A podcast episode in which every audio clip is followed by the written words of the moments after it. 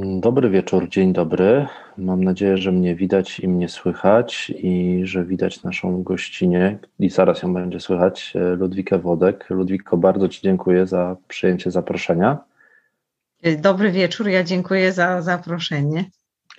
E, dzisiaj spotykamy się. Ja troszkę chyba wyszedłem z wprawy z prowadzenia spotkań, bo ostatnie zawieruchy e, spowodowały, że, że troszkę przekazałem to e, koleżankom z zespołu, ale widzimy się dzisiaj, bo mamy wspaniały pretekst do spotkania. Jest nim, nią, jest nim premiera książki Ludwiki. Książka, która powstawała E, no już dłuższy czas, ponad rok e, temu. Wydaje mi się, że, że, że już spokojnie byłaś mocno e, zaawansowana i na pewno też do tego tematu wrócimy, że właśnie dramatyczne wydarzenia w Afganistanie doprowadziły troszkę do zmiany kształtu tej książki, która w swoim zamiarze miała opowiadać całkiem no, takie pozytywne historie, które niestety nie skończyły się tak pozytywnie mm, w wyniku e, e, przewrotu i, i, i, zmiany mm, władzy w Afganistanie. E, książka została wydana mm, nakładem wydawnictwa WAB, któremu też dziękujemy za przekazanie egzemplarza do recenzji. Recenzję przeczytacie na, recenzję Julii Barkot przeczytacie na salamlab.pl. Ludwika jest socjolożką, reporterką i wykładowczynią na Wydziale Orientalistyki Uniwersytetu Warszawskiego i jest też autorką innych wspaniałych książek. Zresztą o jednej z nich mieliśmy okazję rozmawiać e, podczas jednej z rozmów. E, to jest książka Gorsze Dzieci Republiki, książka traktująca o Algierczykach we Francji. Bardzo dobra rzecz oraz e, książka dotycząca krajów Azji Centralnej, głównie Tadżykistan i Kirgistan. Chyba pierwsza taka twoja książka reporterska, o ile się nie mylę, wystarczy przejść przez rzekę. Bardzo też polecam. O niej chyba jeszcze nigdy nie rozmawialiśmy, ale może będzie jakaś teraz nowa edycja, to wtedy będziemy mieli okazję, żeby też o niej porozmawiać, albo coś się będzie działo. Mm, może coś bardziej pozytywnego niż w Afganistanie. E, mam nadzieję, żeby, żeby do niej też wrócić. E, wszystkich e, naszych słuchaczy i nasze słuchaczki zachęcam do zadawania pytań i zapraszam Was do tego, żeby komentować wszystko to, co mówimy. Mm, Ania Berestecka mm, siedzi po drugiej stronie tego Zooma i też będzie nam pomagać, za co bardzo dziękuję mm, w czytaniu tych komentarzy i wybieraniu pytań. E, także bądźcie pewni, że ktoś tam jest i to wszystko widzi. Ja też staram się nie na tyle, na ile mogę czytać te komentarze. I chyba możemy zaczynać. E, Ludwiko, jesteś gotowa? Tak, jestem gotowa. Super. E, moje pierwsze pytanie, zanim przejdziemy do tych pytań od e, słuchaczek i słuchaczy, mm, e, no, dotyczy może tego, spróbujmy sobie jakoś zaupdate'ować sytuację w Afganistanie. To znaczy, mm, wiemy, co się wydarzyło w sierpniu, wiemy też, że, że ta sytuacja się w miarę ustabilizowała, ale na świecie wydarzyło się sporo. Jest oczywiście wojna w Ukrainie, jest sporo innych wojen, które się toczą również dookoła Mm, Afganistanu, e, czy konfliktów, czy różnych sytuacji politycznych. Mm, jak, jaki to ma wpływ e, na, na sytuację w Afganistanie oraz czy w ostatnich e, kilku, kilkunastu tygodniach wydarzyło się coś godnego uwagi w Afganistanie, co raczej przeoczyły mm, nie tylko podejrzewam polskie, ale w ogóle europejskie i zachodnie media. Y, tak, wydarzyło się bardzo wiele bardzo złych rzeczy.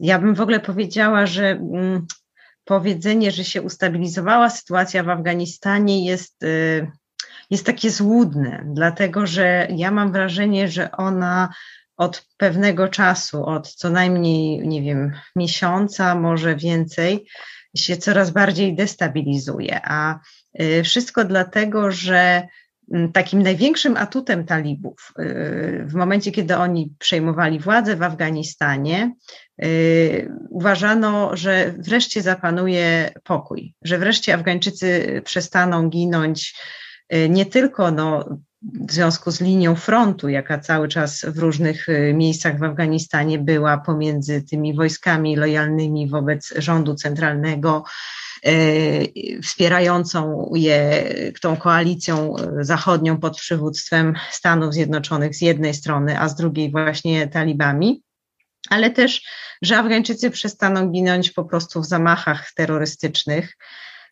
które w ostatnich kilku latach istnienia tej Islamskiej Republiki Afganistanu się nasiliły. Y, za częścią z nich stali talibowie, a za częścią z nich e, stały takie no, konkurencyjne do talibów ugrupowania, bliskie im ideologicznie, e, z których największe i najważniejsze to jest islamskie państwo Chorasanu. Chorasan to jest po prostu ta starodawna nazwa Afganistanu jeszcze przed XVIII wiekiem, kiedy powstał Afganistan jako, jako już takie nowożytne państwo. Na ten obszar świata mówiono Chorasan.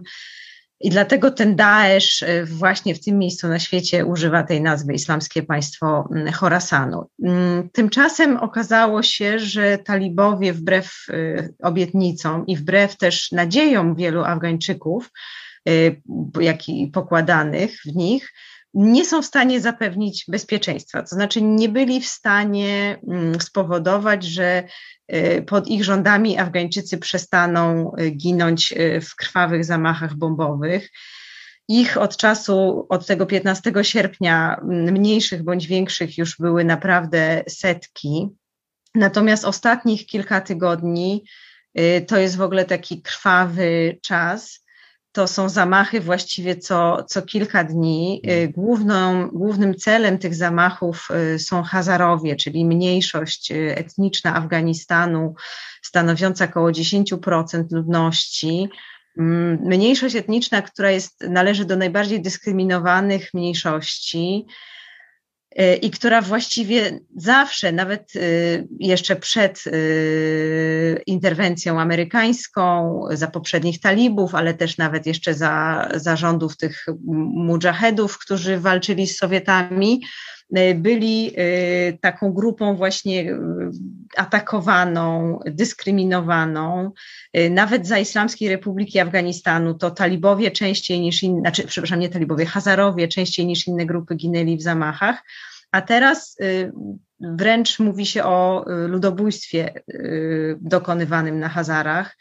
E, mówią to głównie politycy hazarskiego pochodzenia, ale moim zdaniem no, jest to zasadne, bo kiedy weźmiemy ostatnie trzy tygodnie i e, weźmiemy pod uwagę to, że był zamach na szkołę w takiej dzielnicy Kabulu, na zachodzie Kabulu jest taka dzielnica Dashte Barchi.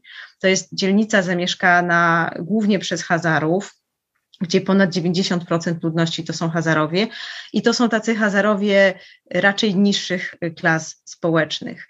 Y, tam był zamach na szkołę. Y, oficjalne dane mówią, że zginęło tylko sześć osób, ale to jest bardzo charakterystyczne dla tych zamachów na Hazarach, że y, zaniżane są ich liczby. Ja rozmawiałam z ludźmi, którzy mieszkają tuż koło tej szkoły i ludzie mi mówili o tym, że właściwie jak wyszli wywołani tymi wybuchami na ulicę, to, to wszędzie było, zresztą to nawet widać na filmach, jakie krążą w internecie, wszędzie było pełno krwi, tam charakterystyczne dla Daszte Barczy jest to, że są takie wąskie ulice i e, często po boku ulicy mm, biegnie taki bardzo głęboki i dosyć szeroki e, rynsztok i po prostu te rynsztoki były czerwone.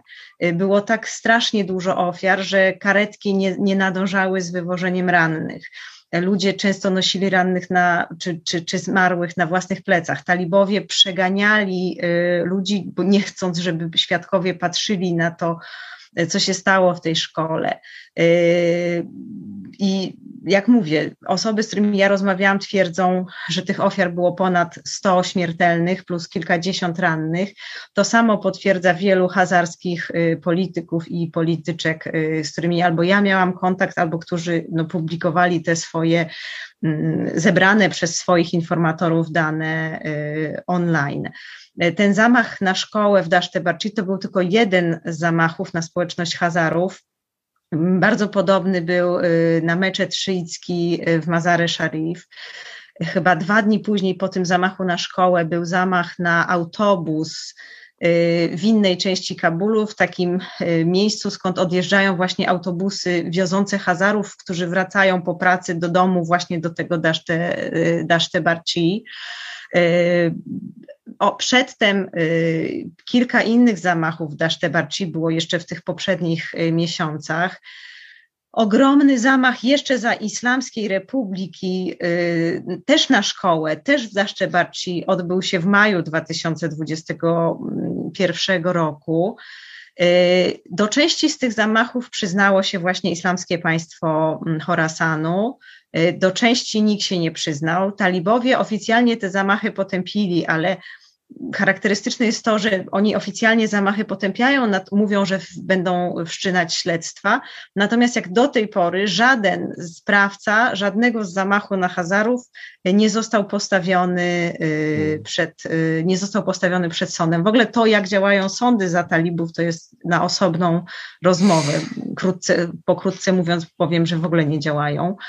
Natomiast e, drugą taką ofiarą zamachów obok Hazarów e, są też e, muzułmanie wyznający taki odłam islamu suficki. On, sufizm jest w ogóle bardzo charakterystyczny dla Afganistanu. Sufizm jest takim zbiorczym pojęciem, które dotyczy wszystkich takich, powiedziałabym, nieortodoksyjnych gałęzi islamu sunnickiego tym razem, Y, gdzie mm, to jest taka religia, jakby mm, wyznawanie tej religii odbywa się za pomocą tak zwanych tarikatów, czyli takich ścieżek dążenia do poznania Boga, gdzie bardzo ważna jest taka relacja pomiędzy mistrzem a uczniami. Y, I y, fundamentaliści islamscy, tacy jak talibowie, nie znoszą sufizmu, dlatego że sufizm bardzo duży nacisk kładzie na takie indywidualne właśnie relacje pomiędzy tym mistrzem a uczniami. Dużo tam jest też takiego mistycyzmu, e, jest też kwestia na przykład głośnego bądź cichego odmawiania zikru, czyli tych najwspanialszych imion Boga. I jeden z ostatnich zamachów w Kabulu to był zamach na właśnie suficki e, meczet. Dlaczego to jest ważne i dlaczego to jest też taki kamyczek do destabilizacji sytuacji w Afganistanie? Dlatego, że o ile Hazarowie to jest mniejszość i w zasadzie żadna grupa etniczna tak naprawdę, Hazarowie są w pewnym sensie sami z tą tragedią, która się im przydarza. Natomiast e, te bractwa sufickie są w Afganistanie bardzo potężne. Tam e, za tym stoją bardzo potężni ci mistrzowie duchowi, którzy są jednocześnie też politykami, e, którzy są, mają różne swoje takie umocowania właśnie w tej, w tej klasie politycznej. E, no i oni na pewno tego tak, e, oni tego tak na pewno nie, nie zostawią. E, oprócz tego w Afganistanie się powoli podnosi rodzaj takiego, można powiedzieć, zbrojnego powstania przeciwko talibom. To na razie są malutkie punkty, głównie na północy kraju, głównie w okolicach Doliny Panjshiru, ale nie tylko, też Jawas John, też różne inne północne prowincje.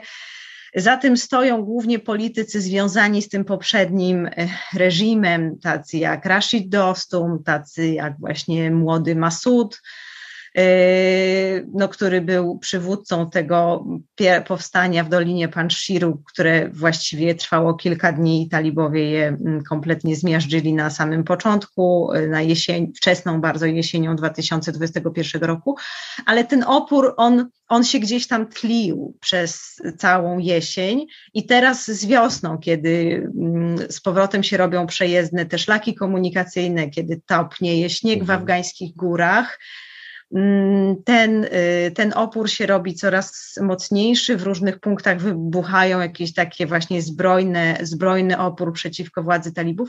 Na razie to nie ma żadnego znaczenia strategicznego. Na, na razie ta, ta przewaga talibów jest ogromna.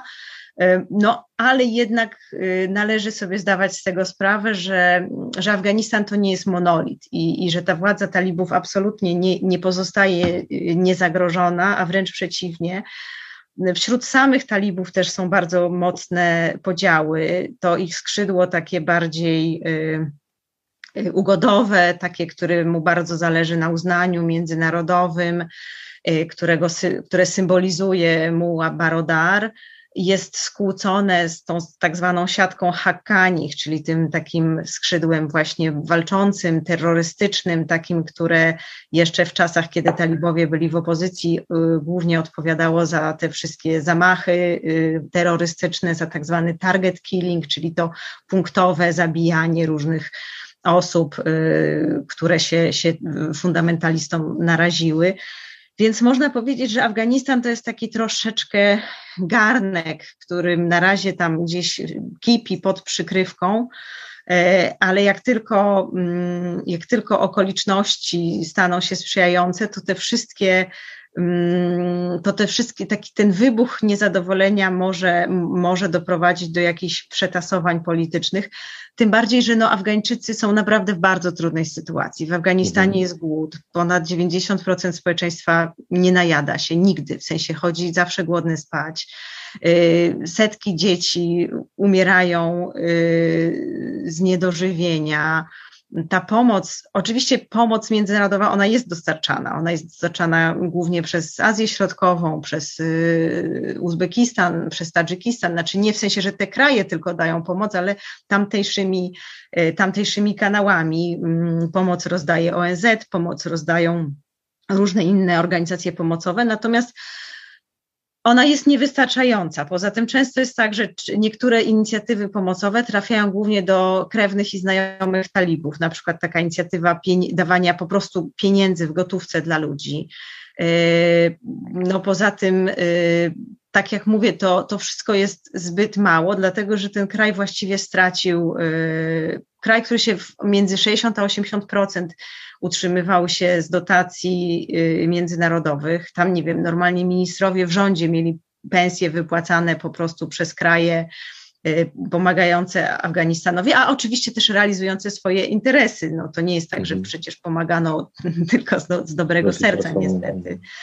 Y, I to, to, to wszystko zostało wstrzymane lub bardzo mocno ograniczone.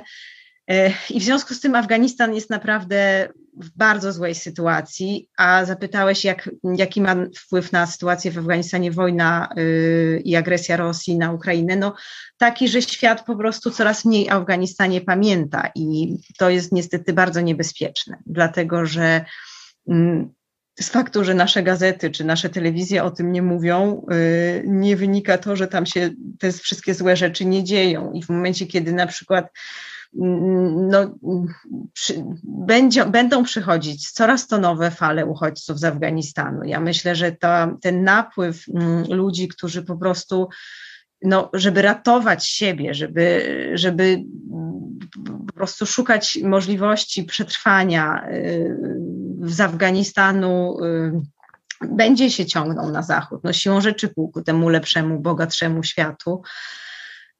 I po prostu musimy też, musimy też o tym wiedzieć. No, ja po prostu jak czytam jakieś idiotyczne komentarze, że Ukraińcy to są uchodźcy wojenni, a cała reszta to są tylko migranci, którzy chcą po prostu lepiej zarabiać, to każdą taką osobę wysłałabym najchętniej do Afganistanu i po prostu powiedziała, żeby tam spróbowała się utrzymać z pracy, z pracy własnych rąk y, siebie i, i rodzinę i, i wtedy może ci ludzie by zrozumieli, jak, jak, ta sytuacja, jak ta sytuacja tam wygląda. Myślę, że czasami niektórzy nigdy nic nie zrozumieją, ale. No. E, ciekaw jestem, e, kto z Państwa słuchających nie słyszał lub słyszał o tych zamachach. Jeśli możecie, zróbmy sobie taką małą sondę, napiszcie w komentarzu, czy, czy słyszeliście e, o tym zamachu na meczet, którym niektóre właśnie osoby, media twierdzą, że tam były dziesiątki, jeśli nie ponad 100 ofiar. Ja widziałem, Al Jazeera napisała tak dosyć bezpiecznie, że tam kilkanaście osób. I tak samo, mm, czy, czy ktoś z Państwa słyszał o lub nie o tym zamachu na szkołę, bo jestem ciekaw. Do mnie to dotarło, przyznaję, e, dosyć późno i tak e, e, no, pośrednio, że tak powiem. A więc nie, nie, właściwie te nawet media typu Al Jazeera, które gdzieś tam mają to oko skierowane cały czas też informowały o tym, raczej mm, gdzieś tam na dole te, te, te newsy się pojawiły, bo chyba musiały. Czekam też na Państwa pytania, natomiast pozwolę sobie przejść do. Ja pozwolę sobie zapalić światło. Dobrze, żebyśmy Cię lepiej widzieli. Ja przejdę do książki, bo czytając tę książkę, zobaczycie, że, że ona składa się z takich, z czegoś, co sam osobiście bardzo cenię. Jest ogólna sytuacja zobrazowana, pokazana na podstawie kilku bardzo konkretnych historii. Widać, że no, są to historie osób, które autorka zna długo, zna dobrze i zna też bardzo, bardzo, no, ta, ta historia właśnie widać, jak ta książka powstawała w obliczu tej tragedii, tego dramatu, który się wydarzył w sierpniu e, i spotykamy te bohaterki i w Afganistanie i potem już, już e, w nowej roli, e, w nowej sytuacji uchodźstwa. Mm, Ludwiko, chciałem Cię zapytać o te znajome i te osoby, które, o których wiesz, że zostały, być może niektóre z nich postanowiły zostać. Czy są takie osoby, które, które pomimo zagrożenia nadal, nie wiem, działają w Afganistanie, próbują działać na, buntować się, no właśnie tak jak mówi tytuł Twojej książki, przeciwko temu, e, co uosabiają e, sobą, czy uosabia sobą reżim e, talibów i jak, jak aktualnie wygląda ich życie. Tak, to znaczy z, akurat z tych bohaterek mojej książki właściwie jedyną osobą, która została nie dlatego, że po prostu nie miała jak wyjechać, tylko została z pełną świadomością tego, że po prostu chce zostać, jest Mahbuba Seroj. To jest taka osoba dosyć wyjątkowa przez swoje pochodzenie społeczne. To jest Afganka, która jest y, afgańską arystokratką. Y, ona wywodzi się y, bezpośrednio z rodziny Tarzich. Mahmud Tarzi to był taki czołowy przedstawiciel afgańskiego modernizmu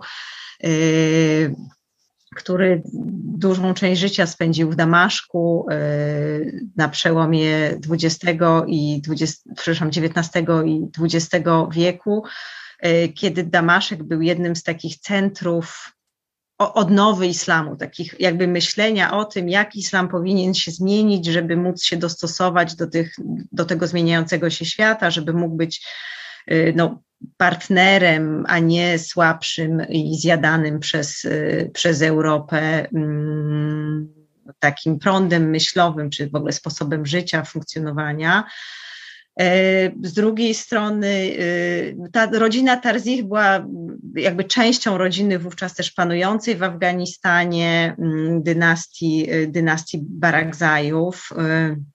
Jednym z krewnych tej Mahbuby Seraj był taki główny król, reformator Afganistanu Amanullah Shah, który był wychowankiem tego Mahmuda Tarzi, bo Tarzi wrócił y, dzięki ojcu, ojcu Amanullaha, ten ojciec pozwolił mu wrócić do Afganistanu, bo z kolei jego dziadek go z tego Afganistanu wygnał bojąc się tych właśnie liberalnych poglądów i takich pro, prozachodnich y, ciągot. Więc Mahbuba Seraj reprezentuje taką no, jakby mm, śmietankę arystokratyczną Afganistanu. Afganistan jest republiką od y, początku lat 70., natomiast y, no, jest taki duży szacunek w afgańskim społeczeństwie jednak dla arystokracji.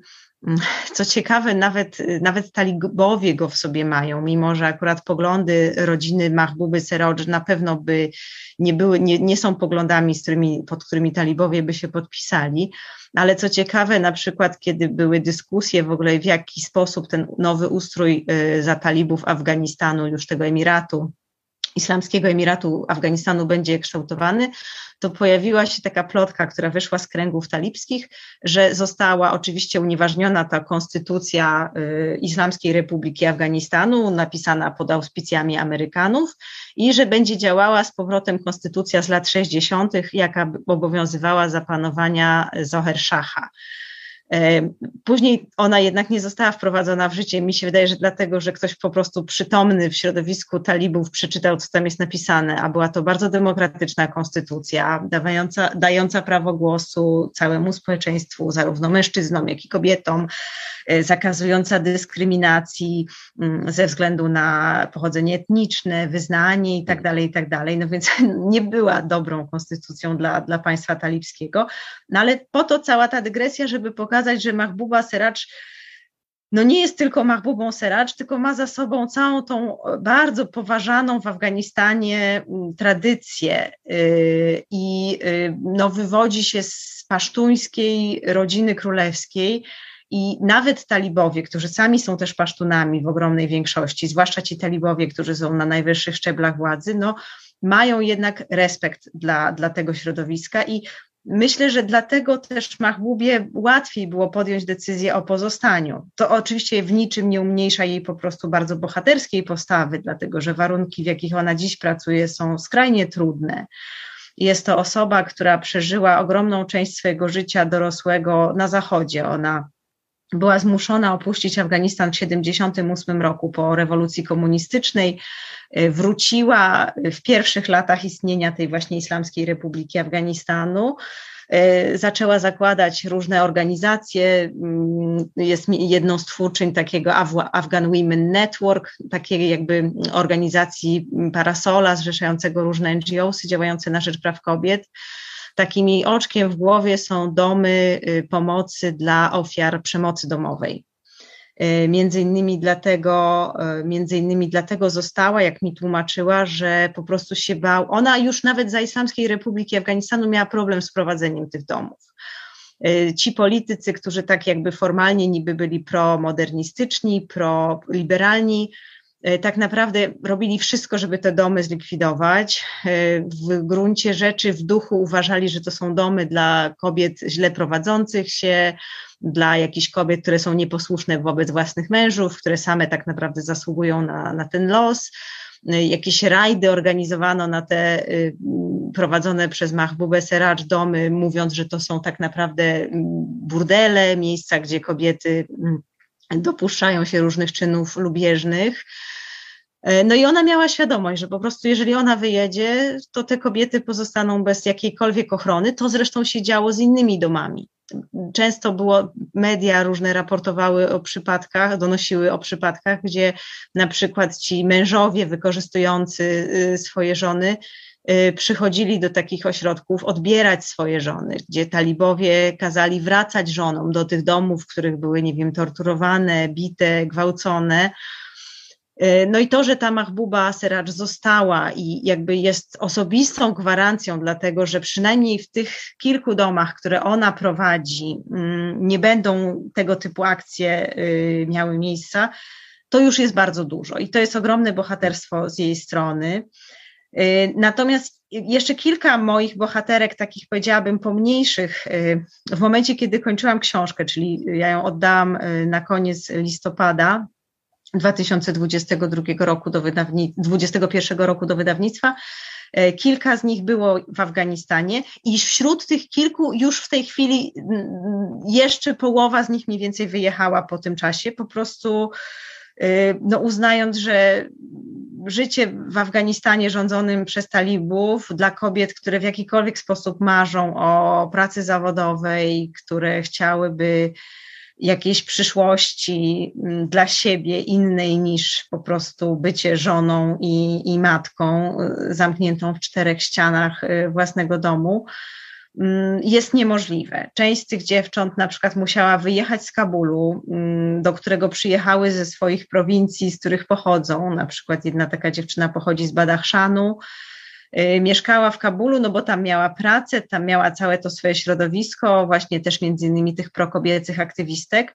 Mm, no ale kiedy talibowie przyszli do władzy, oczywiście praca się skończyła, mm, bardzo dużo jej znajomych i koleżanek wyjechało z kraju, a ona po prostu już nie miała więcej za co się utrzymywać w Kabulu. No nie stać ją było na opłacanie czynszu, Y, nie miał, o, ponieważ ona nie utrzymywała się sama, tylko utrzymywała jeszcze swoich licznych braci i matkę.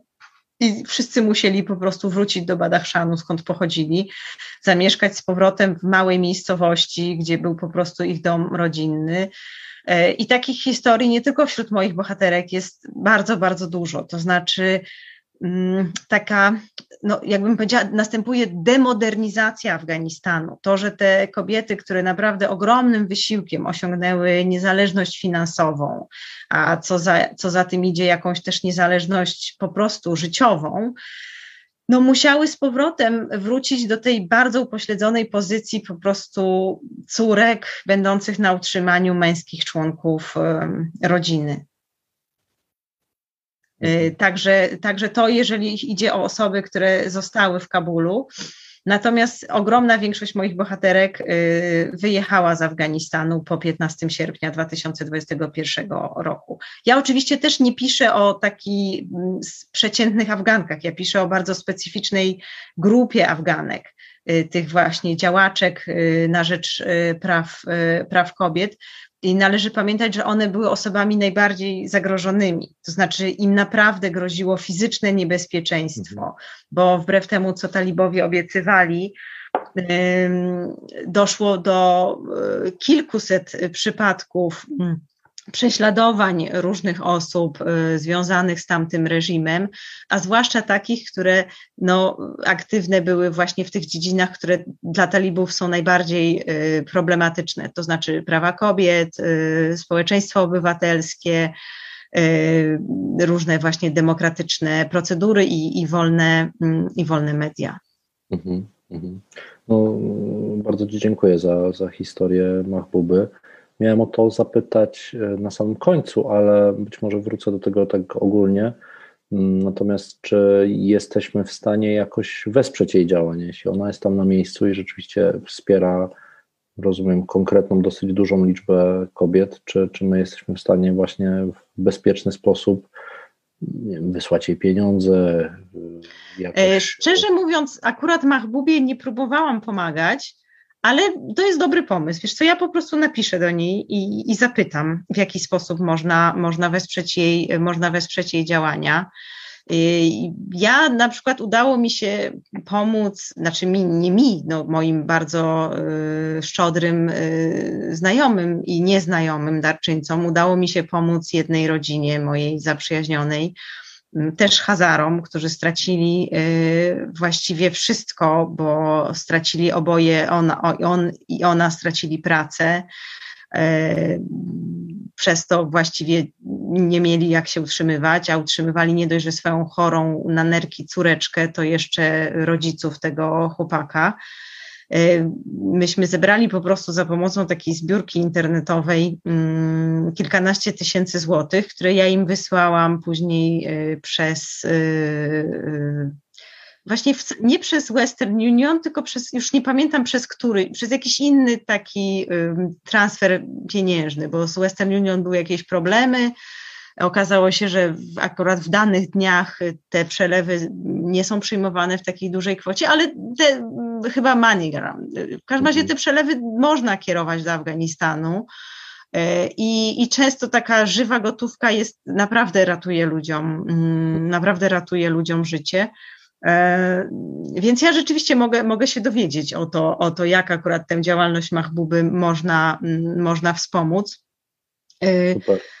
Co jeszcze możemy robić też innego? No, przede wszystkim ważna jest właśnie taka świadomość, żeby y, żeby po prostu nie traktować Afganistanu jako kraju bezpiecznego, żeby nie traktować Afganistanu jako kraju, gdzie wszystko się uładziło, gdzie właściwie sami Afgańczycy rozwiązali swoje problemy i, i, i teraz niech tam sobie siedzą, żeby mieć świadomość, że na przykład afgańscy uchodźcy są dokładnie takimi samymi uchodźcami jak Ukraińcy, że im też się należy pomoc od Europy, czy od w ogóle szeroko pojętego Zachodu.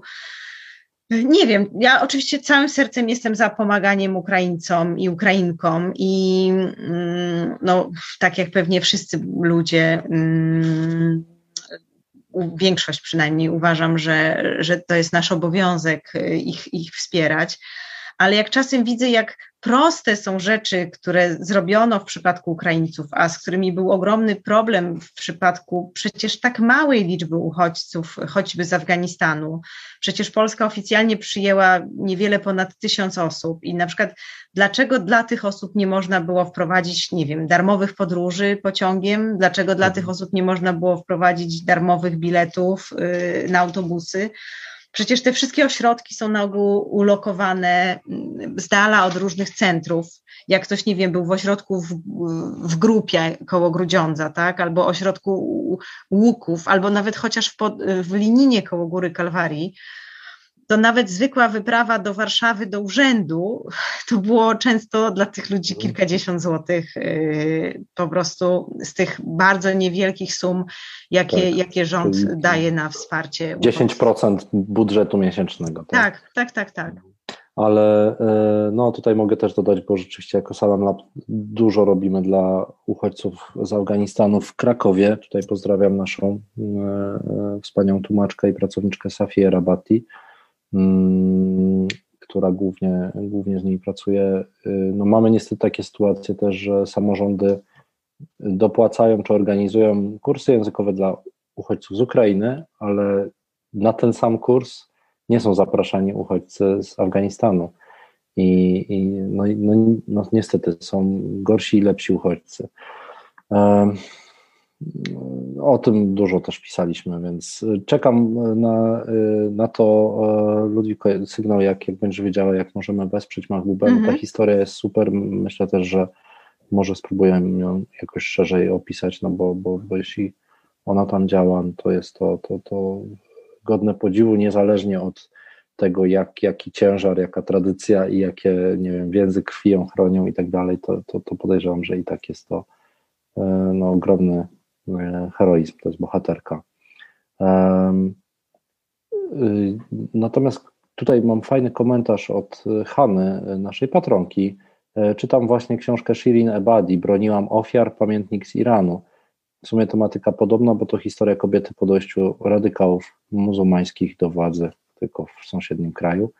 E, no, myślę, że jest wiele mm, analogicznych sytuacji w różnych krajach, których fanatycy różnych religii dochodzą do władzy i, i najwyższą cenę bardzo często e, płacą kobiety.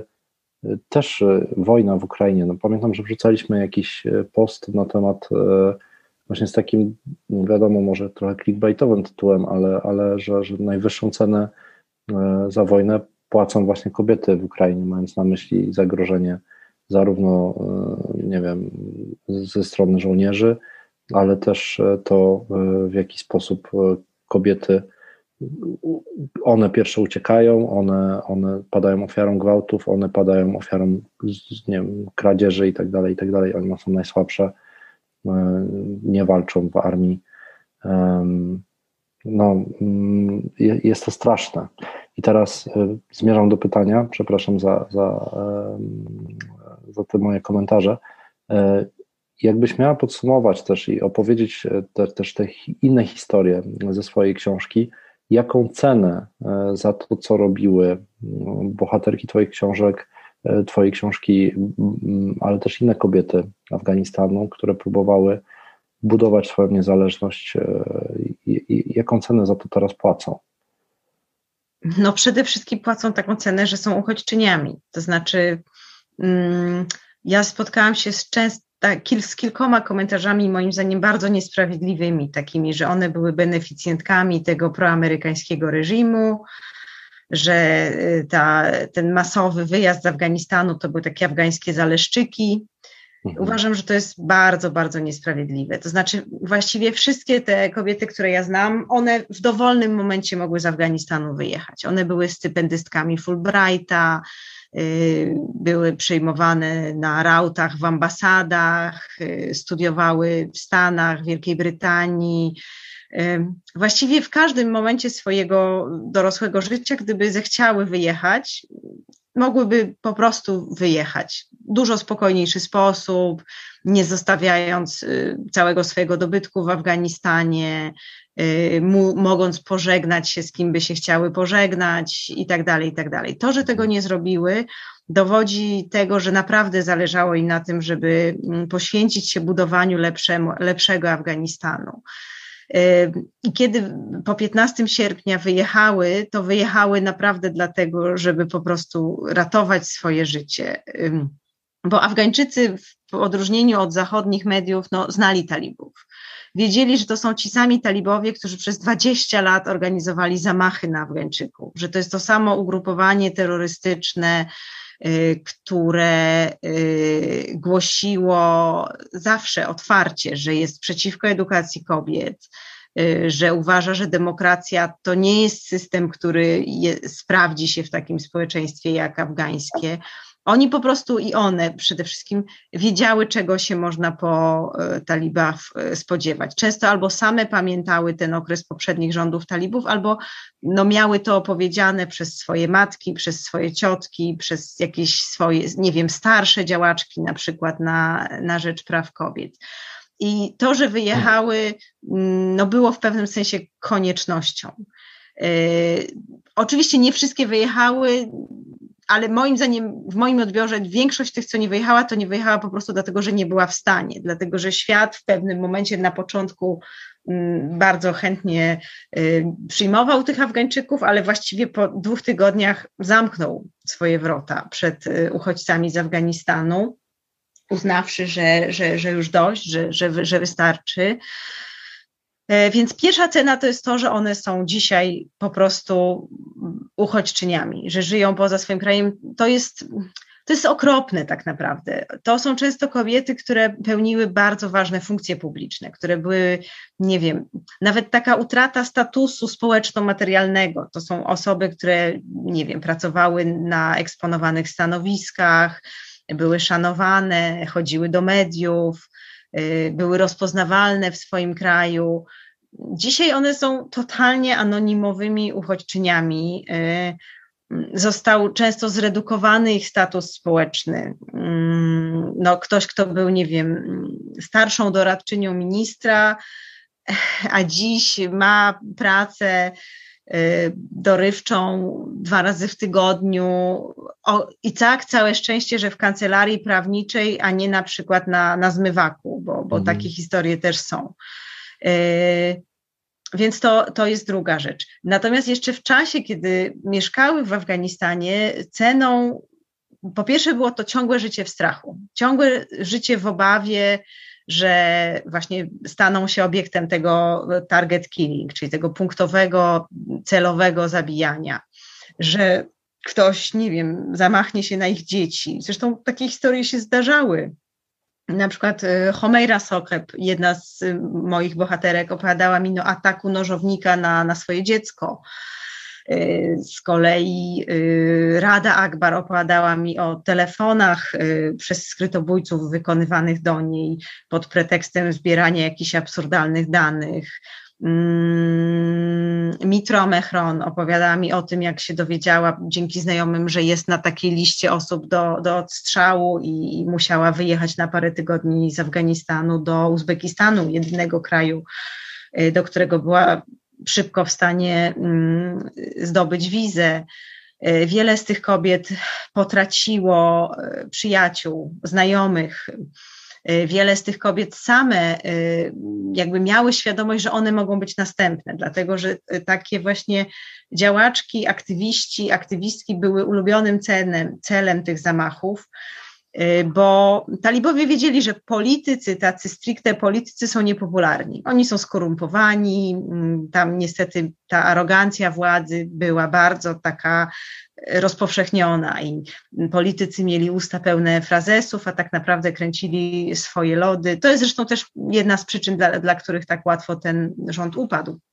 Ludzie nie, nie daliby za nich złamanego grosza. Natomiast za osoby spoza polityki, za takie osoby, które właśnie wyrosły, nawet później być może weszły do polityki, ale właśnie wyrosły z tego, z tego pnia takiego NGO-sowo-aktywistycznego, takie osoby miały ogromną sympatię społeczeństwa po swojej stronie. I zabicie tych osób, takich właśnie działaczek, nie wiem, dziennikarek, za każdym razem wstrząsało tą społecznością, yy, społeczeństwem tym może niedużym, ale jednak dosyć prężnym społeczeństwem obywatelskim Afganistanu. I to taki miał być cel, to znaczy celem było po prostu zastraszenie innych, więc te osoby przez wiele lat y, płaciły taką cenę po prostu życia w ciągłym strachu i w niepewności o, o swój los. Kolejną ceną było y, często bardzo napięte albo wręcz y, wrogie stosunki z najbliższymi członkami swojej rodziny. Ja opisuję w książce taką na przykład osobę Fariho Esor. To jest dziewczyna, która mm, właściwie o, każdy, o każdą pędź swojej niezależności, o każdy jakiś kolejny szczebelek, który pokonywała, musiała toczyć walki ze swoim osobistym, własnym, rodzonym ojcem, który owszem pozwolił jej zdobyć wykształcenie, ale miał taką koncepcję, że ona skończy studia, a później po prostu wydają za mąż i zostanie mm, gospodynią domową. O, o każdą kolejną posadę musiała z tym ojcem walczyć. O, y, nie wiem, mimo że na przykład utrzymywała w zasadzie cały dom, wszystkie remonty w domu szły z jej pensji, to ojciec ciągle jej dogadywał, że pieniądze, jakie bierzesz, to są pieniądze nieczyste, bo pochodzą od cudzoziemców. Y, tłumaczył jej, że wolałby, żeby to jej brat zarabiał takie dobre pieniądze, a nie ona, bo ona jest kobietą. Mm, kłócił się z nią o to, że ma, nie wiem, za krótkie włosy, że ma pomalowane paznokcie, y, że na przykład zaprosiła znajomych do domu, z którymi omawiała jakiś projekt y, dla fundacji, z którą współpracowała. Mało tego kłócił się, wyzywał z nią ją od kurew, groził jej, że ją wyrzuci z domu to była bardzo trudna, trudne to spotkanie z nią, takie dłuższe. To, to jest akurat osoba, którą, którą poznałam przez, przez inne znajome, które znałam dłużej. Z tą Farichą miałam w sumie taki dosyć krótki, ale bardzo intensywny kontakt. Spędziłam z nią po prostu wiele godzin jednego dnia.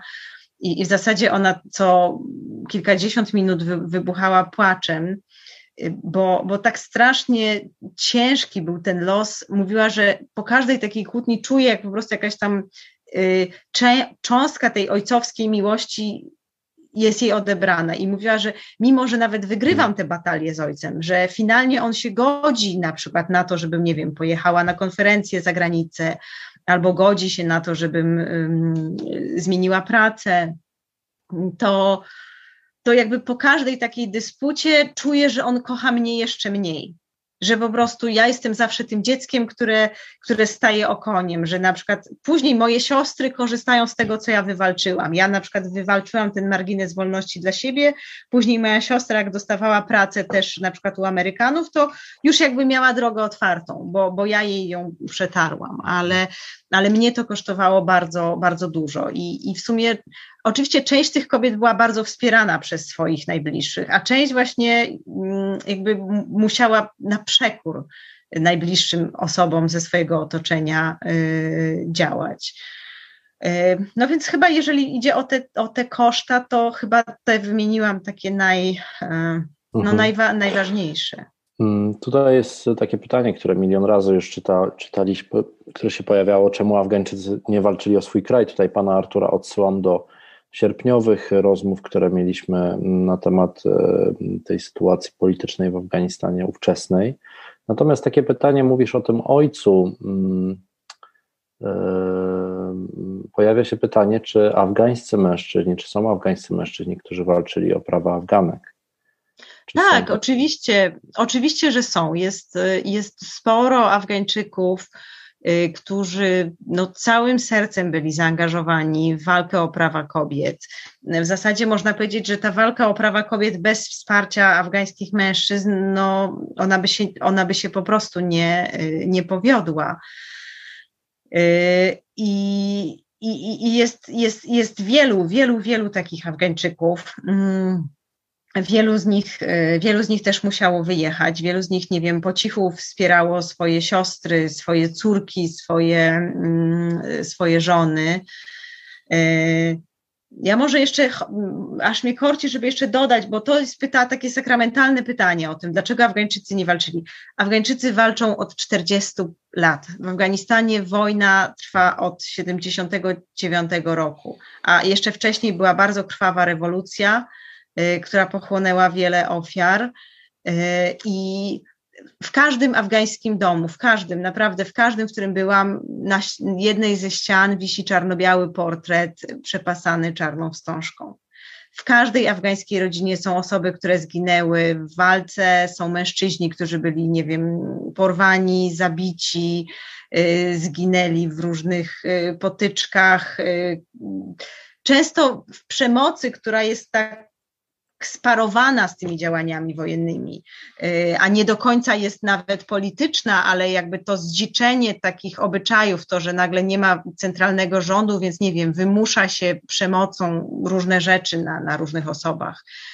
I, I jest to społeczeństwo naprawdę nieprawdopodobnie mocno doświadczone y, wojną, przemocą, i no, ja nie wiem, jak można wymagać od nich, żeby jeszcze w tym sierpniu y, w zasadzie co mieli zrobić? No, mieli ludzie mieli wyjść y, przeciwko talibom. Zresztą, jak mówię, no, część Afgańczyków uważała, że no przynajmniej teraz będzie spokój, przynajmniej teraz będzie, yy, skończy, skończy się to przelewanie krwi, no bo ta wojna domowa w czasie, kiedy Amerykanie byli w Afganistanie, ona cały czas się tliła, akurat no, nie we wszystkich prowincjach, ale były miejsca, gdzie cały czas trwały walki, gdzie, gdzie non-stop po prostu właściwie każdego dnia wybuchały bomby, były strzelaniny, yy, ludzie ginęli od dronów, ale ludzie ginęli też w zamachach organizowanych przez talibów, jakby obie strony, mm, ludność cywilna była w pewnym sensie zakładnikiem obu, obu walczących stron i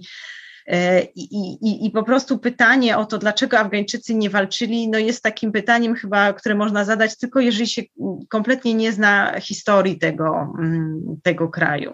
Mhm, mhm. E, wojna, wydaje mi się, e, tutaj też Safia dopisała, że wojna trwa od kwietnia 78. Czyli właśnie od rewolucji komunistycznej, rewolucji Haftesauru, ponieważ kiedy komuniści przejęli władzę, już wtedy zaczęły się czystki, zaczęły się masowe aresztowania. Y, mieliśmy na przykład y, powstanie w Heracie wiosną 79 roku. Każda kolejna frakcja komunistów, która dochodziła do władzy, robiła czystkę wśród tych byłych towarzyszy, którym przestawała ufać. No, jak mówię, to, to, to jest kraj, który, który po prostu tak mocno doświadczył przemocy, że chyba nie wiem, no może poza jakąś Somalią czy, czy innymi krajami jeszcze afrykańskimi, y, których historię po prostu mniej znam, wydaje mi się, że trudno szukać drugiego. Mhm. E, tutaj cytat z Twojej książki, e, który teraz myślę, że będzie idealnie pasował. Przypomniała mi się rozmowa z Rodą Akbar jeszcze w Kabulu. W pewnym momencie Roda przypomniała, że Afganistan nazywany jest grobowcem imperiów. Niestety Afganistan jest przede wszystkim grobowcem dla samych Afgańczyków, dodała gorzko. Nikt nie ma obowiązku kłaść się za życia do grobu i nie można od nikogo tego e, oczekiwać. E, to jest zdanie kończące e, buntowniczki z Afganistanu, które serdecznie polecam. Dużo możecie się nauczyć o Afganistanie, nawet jeśli czujecie, że, że to byłaby pierwsza książka o Afganistanie, którą będziecie czytać, albo chcecie się po prostu dowiedzieć takich podstawowych rzeczy, to, e, to tam jest dużo takich e, i faktów, i, i nazwisk, które pozwolą Wam właśnie poznać cały ten kontekst i z, odpowiadać właśnie na takie, takie pytania, które, jak rozumiem, nich też tkwi jakiś zarzut, że czemu Afgańczycy nie walczą o swój, e, o swój kraj. Ja mam jeszcze ostatnie pytanie do Ciebie jako autorki, e, bo, bo książka jest właśnie o tyle ciekawa, co, co też na samym początku przyznajesz, że jeździłaś do Afganistanu, poznawałaś te kobiety, które stały się Twoimi znajomymi, tak? Znaczy, miałaś po prostu z niektórymi z nich prywatne relacje. No i w pewnym momencie, rozumiem, poczułaś, że, że chcesz o nich napisać i chciałem właśnie zapytać o Twoją motywację. Co Cię skłoniło w ogóle do napisania e, tej książki po skończeniu książki e, o Francji i właśnie Algierczykach? Czy to było jeszcze wcześniej? Mhm. Tak, ja od dawna miałam Afganistan na oku, że tak powiem. To, to jest kraj, w którym pierwszy raz byłam w 2008 roku. Natomiast marzyłam o tym, żeby pojechać do Afganistanu właściwie chyba od dzieciństwa, jeszcze pod wpływem opowieści przyjaciół mojego ojca, alpinistów, którzy jeździli na noszach, no, na noszach e, w latach 60. Jakoś fascynował mnie Afganistan i, i, i ciekawił. I właściwie od pierwszego razu, kiedy tam pojechałam, mm, złapałam taką naprawdę dobrą relację z, z, osobami, które tam poznałam, że jakoś Afgańczycy moim zdaniem mają bardzo fajne poczucie humoru. Mają takie często ironiczny, trochę zbudowany na dystansie wobec samych siebie, y, taki właśnie trochę czarny humor. No zresztą nie ma się co dziwić, ten czarny humor też jest wymuszony okolicznościami ale yy, i jakby mi się wydaje, że Afganistan też jest zupełnie inny niż stereotypy, jakie my tutaj na Zachodzie mamy w głowie na temat Afganistanu.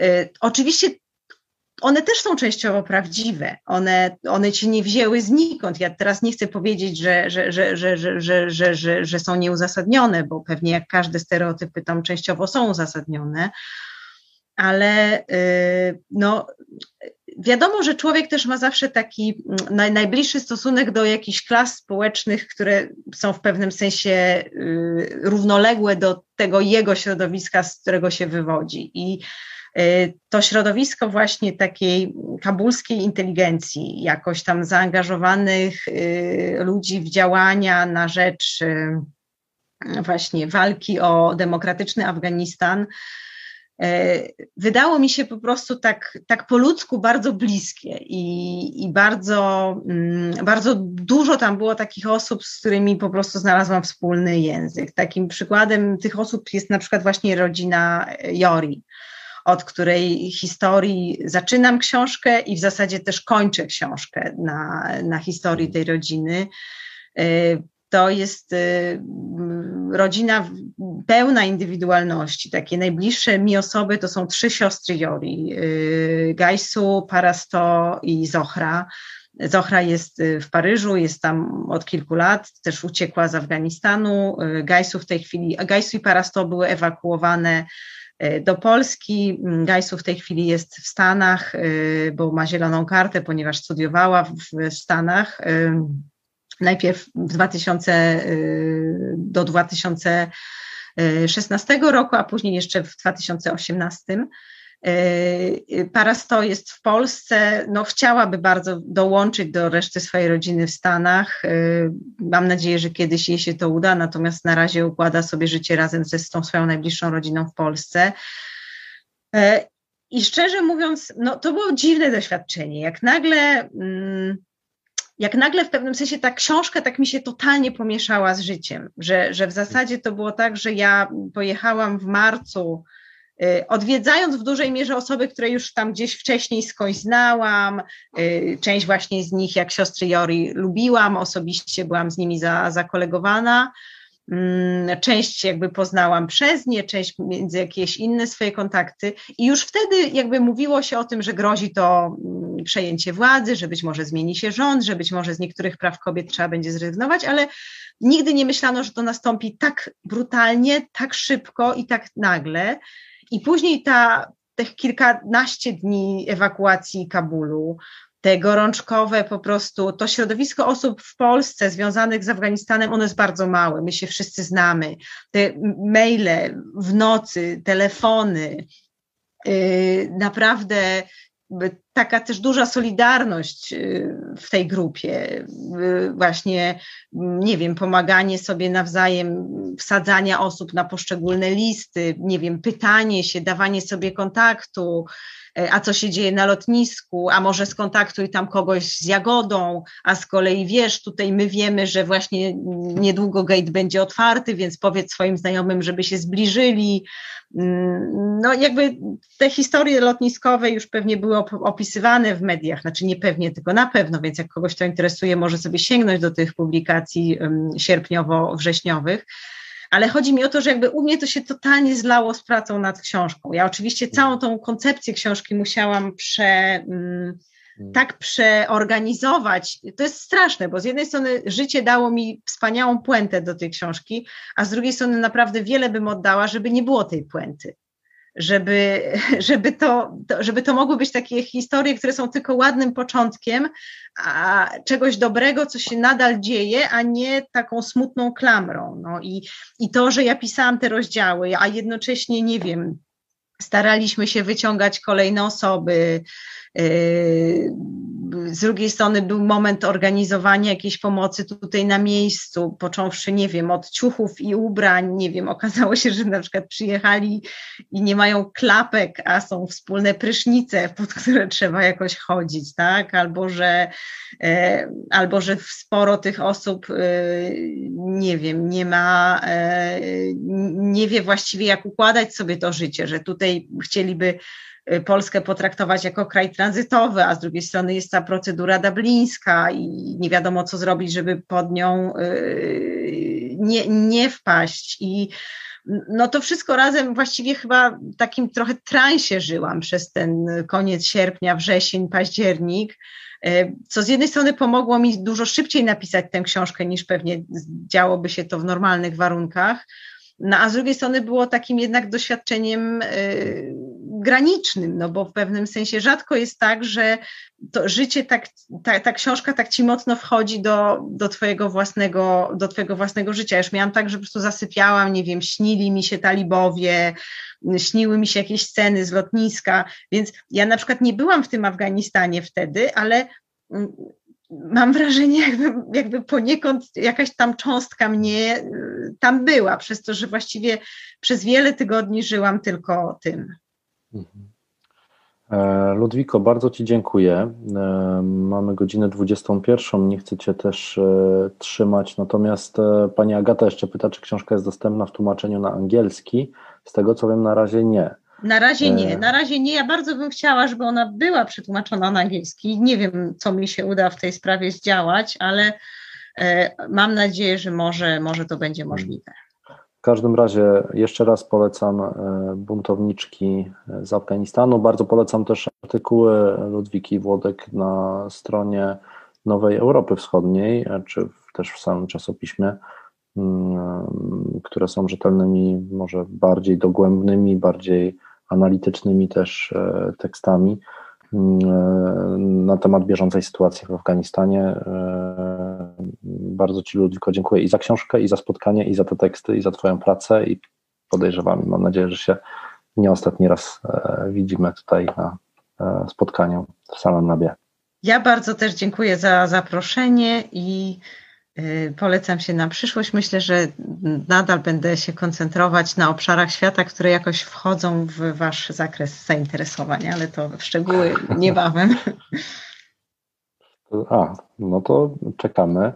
E, czekamy też na e, wiadomość w sprawie e, MacBooku. Tak, ja będę o tym pamiętać, zaraz w ogóle napiszę do MacBooby Seracz się dowiem. Świetnie.